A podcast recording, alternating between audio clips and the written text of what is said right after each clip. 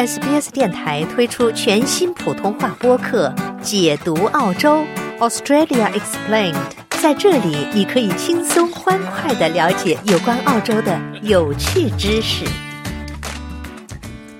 听众朋友，欢迎您收听 SBS 电台的中文普通话节目，我是林墨。那最近一段时间呢，澳大利亚是经历了全国性的鸡蛋荒啊。那由于蛋量的短缺呢，一些超市呢还是曾经出台了这种限购令，餐馆呢也是相应的调整了菜单的这个价格。那就此问题呢，我们 SBS 中文节目也是采访了墨尔本的一家养鸡场的负责人晶晶，跟我们分析了造成蛋量短缺并且造成价格上涨的原因。那今天呢，我们是再次邀请到晶晶做客节目，跟大家聊一聊自己从零开始呢办养鸡场的故事啊。晶晶你好，哎你好，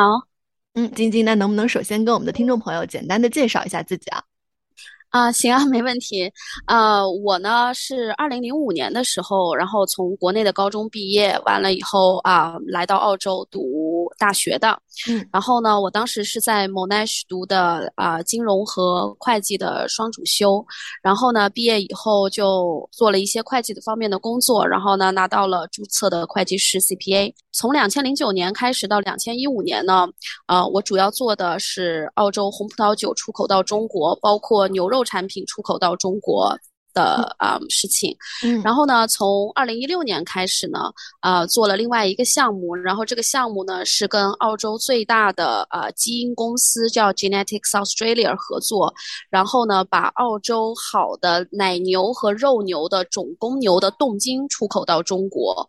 然后是精子是吗？冷冻的精子，对，是的，嗯，然后呢，去优化就是呃中国的。呃，奶牛和肉牛的基因方面，然后从二零一九年开始到现在的话呢，我主要的精力是放在这个呃蛋养鸡的农场。嗯嗯，你刚才说的这个出口这个动静也是非常有意思的，也是也算是跟农业相关了吧？但是之前。呃，听你介绍你自己的经历啊，是做这个会计专业的工作啊，同时还考了这个 CPA，嗯，那跟经营这个农场感觉是差距挺大的啊，嗯，能不能跟大家聊一聊怎么想到说在澳洲去经营一家养鸡场呢？而且是从零开始，自己之前也没有这方面的经验啊。呃，是这样的，就是当时呢，确实学的是啊金融和会计方面的这个学位，但是呢，我始终觉得就是可能自己还是想。进行一些有挑战性的这个工作吧，嗯，然后呢，当时也确实是国内有一些朋友，然后们他们对澳洲的这边农副产品的资源，包括葡萄酒的资源都非常的感兴趣，然后也有这样的需求，所以呢，就开始了从红葡萄酒，然后到呃冻精，然后至于养鸡场来说的。话呢，是因为接触了红葡萄酒和这个种公牛冻精的项目以后，我慢慢就开始对澳洲的农业项目产生很大的兴趣。因为呢，从做出口开始，不管是葡萄园，然后还有橄榄油，因为橄榄油的话要接触到橄榄的农场，然后再到后来，因为这个冻精产品会接触到这个奶牛场和肉牛场，所以的话。我当时就对澳洲的各种农农业项目产生了兴趣，然后至于到蛋鸡的这个产农场呢，其实最当时最初的一个想法只是作为一个投资项目，但是后来呢，因为管理方出现了一些问题，所以嗯，就到了现在的和另外一个投资人共同来经营这个蛋养鸡的农场。嗯嗯，听起来也是水到渠成啊！从这个红葡萄酒到这个呃跟牛相关的一些工作，又到现在的这个养鸡场啊。那现在您经营的这家养鸡场大概是一个什么样的规模？能不能跟我们简单的介绍一下呢？呃，可以，没问题。就是我们现在这家养鸡场呢，总体的占地是啊三百六十英亩，然后如果全面建设完成的话，可以达到养啊二十到三十万只鸡的一个规模。然后要取决于我们养的是呃有机散养走地鸡还是普通的散养走地鸡。那目前呢，在服役的是八万只鸡，其中包括了有机走地散养鸡和普通的散。养走地鸡，嗯嗯，那他们大概每年能产多少的这个鸡蛋呢？关于呃鸡能下多少蛋的问题呢，是这样的：作为行业内的标准上来说的话，一般一只鸡它的产蛋率在它的服役期间，平均是在百分之八十五。所以的话呢，就啊打个比方，如果是我们有八万只鸡的话，它的每一天所下的蛋应该是八万只鸡乘以百分之八十五，就是当天应该有的鸡蛋量。嗯嗯嗯，那产出的这些鸡蛋每天是不是都有这个工人需要来收集这些鸡蛋呢？是的，就是说，嗯，它的它的所有的鸡蛋会从蛋袋传输到操作间，然后呢，操作间的话可以由人工来把蛋。放到 tray 里面，或者呢，也有可能它是用那个蛋袋传输到一个中枢的打包车间，完了以后由打包车间来打包这些蛋。嗯，那听起来也都是一些非常专业的这个操作的流程啊。那从一个呃会计专业的学生，可以说是一一个养鸡的这个门外汉啊，再到这个专业人士，您觉得从建厂啊到经营这其中啊，您遇到的最大的困难是什么呢？准确的来说呢，因为在建厂的本身我没有过多的参与，所以呢，我是觉得在这方面我没有过多的发言权。嗯，然后呢，从经营的角度上来说的话，其实上我觉得理论上每一个生意的本身它的经营它是有相通点的。但从实际操作方面上来说呢，一方面呢，蛋鸡行业的知识对于我来说是一个全新的领域，所以呢，无论从养殖的技术、疾病的防控、生产的监管，然后生物安全、行业审查这些方面，我都需要从零开始学起。但是我觉得呢，嗯，遇到的相对。大的挑战和困难是食品生鲜行业的特殊性，因为呢，这个本身是一个生产密集型的企业，全年呢三百六十五天蛋鸡都是在下蛋的，都是在进行生产的。嗯，而且呢，鸡蛋的保质周期相对来说是比较短暂的，所以需要保持非常健康的这个产品的流通性。所以，根据市场的供需关系的变化和蛋价的起伏，有很多的经营决定是需要及时并且很灵活的。所以，我觉得这个是在经营过程当中遇到的比较大的困难。嗯，是不是如果说一个决定没有做好，就可能导致这个蛋就坏掉了，或者说卖卖不掉了这种情况？对，就是嗯，像像有一些，比如说在呃市场进行短缺的时候，那这个蛋价的话是可以进行调整的。但如果出现一个呃供大于求的情况的，这个蛋的呃出口是哪里？就是说该销售给谁，然后包括这个库存的管理这些方面，都是需要进行安排和计划的。嗯，所以说你们也是一定要有一个就是 Plan B，对吧？如果说在这个销售情况不好的时候，这些蛋要何去何从？对，是的。嗯嗯嗯。那经营一家这个呃专门供应鸡蛋的养鸡场啊，从农场到货架，能不能跟我们听众朋友介绍一下啊？这个一颗鸡蛋啊，它到底都经历了什么呢？呃，从行业的角度上来说呢，它是有专门的孵化产蛋鸡的公司的。然后呢，当这个鸡蛋被孵化出小鸡了以后。对于小鸡，呃，我们是单独进行饲养的，因为呢，小鸡的养殖的重点是确保要降低小鸡患病的风险。嗯，同时呢，小鸡们其实就跟我们人类的小 baby 们是一样的，他们在长大的过程当中是需要进行不同的疫苗注射来防御疾病的。嗯，然后等到小鸡长到十六周以后，它们会被啊放进我们的产蛋鸡的农场。然后在产蛋鸡的农场呢，他们就是所谓的进行安顿过了以后，他们一般来说，母鸡是从十九周就会开始进行陆续的产蛋，然后但是它有个体的差异，他们会从十九周一直产蛋到啊七十二周到七十八周左右。嗯，你说可以从十九周产蛋一直到七十二周，一只母鸡可以产蛋的时间大概是一年这样子是吗？对。呃，那对于这个养鸡场来说，我相信这个防病可能也是非常重要的一部分。你刚才也提到了这个，呃，小鸡们也有可能会生病哈。那作为你们养鸡场来说，有没有一些什么样的预防措施呢？嗯，其实上这个话题是一个比较大的话题，因为呢，我们有专门的一个就是 biosecurity，就是生物生物安全的这么一套的系统是需要啊进行执行的，在农场的管理过程当中。然后简单的举两个例子吧，就是第一，所有的鸡在它们的下蛋周期里面，它们也是要进行疫苗的注射的。嗯嗯，第二点的话呢，就是我们。所有的农场都会有一个 vet，就是会有一个兽医，然后定期的对这些啊产蛋鸡进行一个所谓的身体检查。完了以后呢，会根据他们所出现的一些情况，然后啊来对他们如果有任何疾病方面的问题，会带会对他们进行一个治疗。然后呢，这个是针对于普通的走地散养鸡。然后，如果是说到了有机的走地散养鸡的话，这个要求会更加的严格，因为呢，啊，有机的走地散养鸡的话，它是不允许使用任何的抗生素的，所以的话呢，对于前期的防御防疫这一块，就是我们会更加的严格。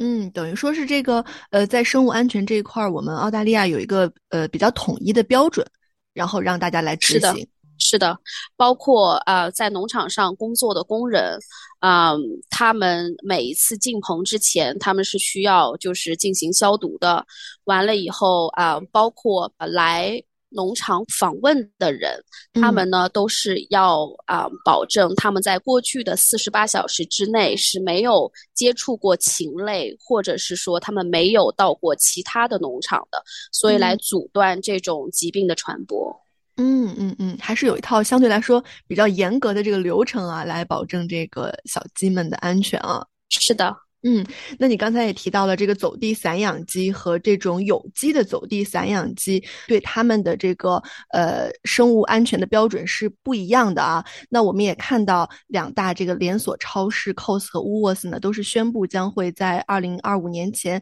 是撤下货架上的这种呃笼养鸡，就是 caged egg。那以后呢，这种 free range 和这种有机的 organic free range 的鸡蛋呢，也是将成为一种主流啊。那对于走地散养鸡就是 free range 和这种有机的 organic free range 这两种鸡蛋有什么不一样吗？除了我们刚才讲的这种生物安全上的不同之外，嗯，是这样的，就是从行业的角度上来说呢，因为嗯，主要是行业考虑到这个长期的动物权益的问题，所以呢，大超市们呢淘汰啊，在二零二五年就是淘汰笼养鸡，也主要是因为这个原因啊，就是所谓的 cage。嗯，那至于说 organic free range 和 free range，它的行业标准是不一样的啊。organic free range 呢是所谓的有机散养，它也是行业内的最高标准的。嗯，因为它对鸡的生长环境和饲料的要求都是全有机的。全有机呢就意味着，啊，从饲料在这些饲料谷物生长的要求也必须是有机的。就是不能有任何的化学用品在种植饲料的过程中，嗯，那包括对于在我们产蛋鸡农场的生产管理里面，我们同样的也是不能使用任何的化学用剂，包括刚才提到的，就是如果鸡啊出现了一些疾病，或者是说有一些小的状况的话，抗生素也是不允许被使用的。嗯，所以这个呢是有机走地散养鸡的一个情况。嗯，从养殖开始到这个产蛋，然后到最后的这个打包装箱，整个过程都是不能有化学成分的，对吗？是的。嗯，所以说它这个呃有机的饲料是不是也相对来说会比呃就是走地鸡吃的饲料要贵一些呢？是的，呃，而且贵的比例不是不只是一点点。嗯，所以这就是为什么你们就是可能听众也会在这个大型超市上能就是如果你看到有机的产品，它的不管是指蔬菜或者是说这个呃鸡蛋，它们的有机的价格相对来说都会呃更高一些。其实上呢，原因是其实一个有机的，不管是它的蔬菜还是它的鸡蛋类，任何有机类的东西。第一，它的风险相对来说是更高的，因为它不能使用任何的抗生素，包括化学用品。嗯，所以的话呢，嗯，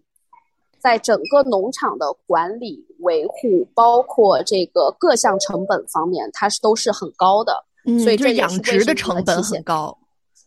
对，这也是为什么会体现在价格上，有机产品的价格相对来说都会比普通的食品类的价格要高一些。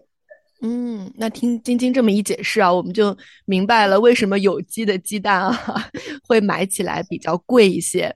是的，那如果是说普通的啊散养鸡的话呢，它从饲料上的要求就没有像 organic 的呃 free range 的鸡要求的那么高。嗯，啊，它可以用绝大部分的谷物作为它们的饲料需求，并且的话，它们也是在。兽医允许的情况下，如果他们出现一些疾病，他们是可以被允许使用抗生素的。嗯嗯，那对于他们这两种鸡的这种活动范围有一些什么样的不同吗？他们的活动范围，因为他们都是 free range 的，free range 呢就意味着啊，他们会有一个鸡棚，然后呢，但是他们的行业要求是一天最起码八个小时的。时间，他们从鸡棚里头是有 access，在鸡棚的两侧，我们都是有出口，让他们可以走到户外去进行活动，就是他们可以自己选择，是吗？想在鸡棚就在鸡棚，想出去散步就出去散步。是的，就是，但对于我们农场的要求来说的话，我们就是需要让他们有这个权利可以走得出去，但是比如说下个大暴雨或者干嘛的。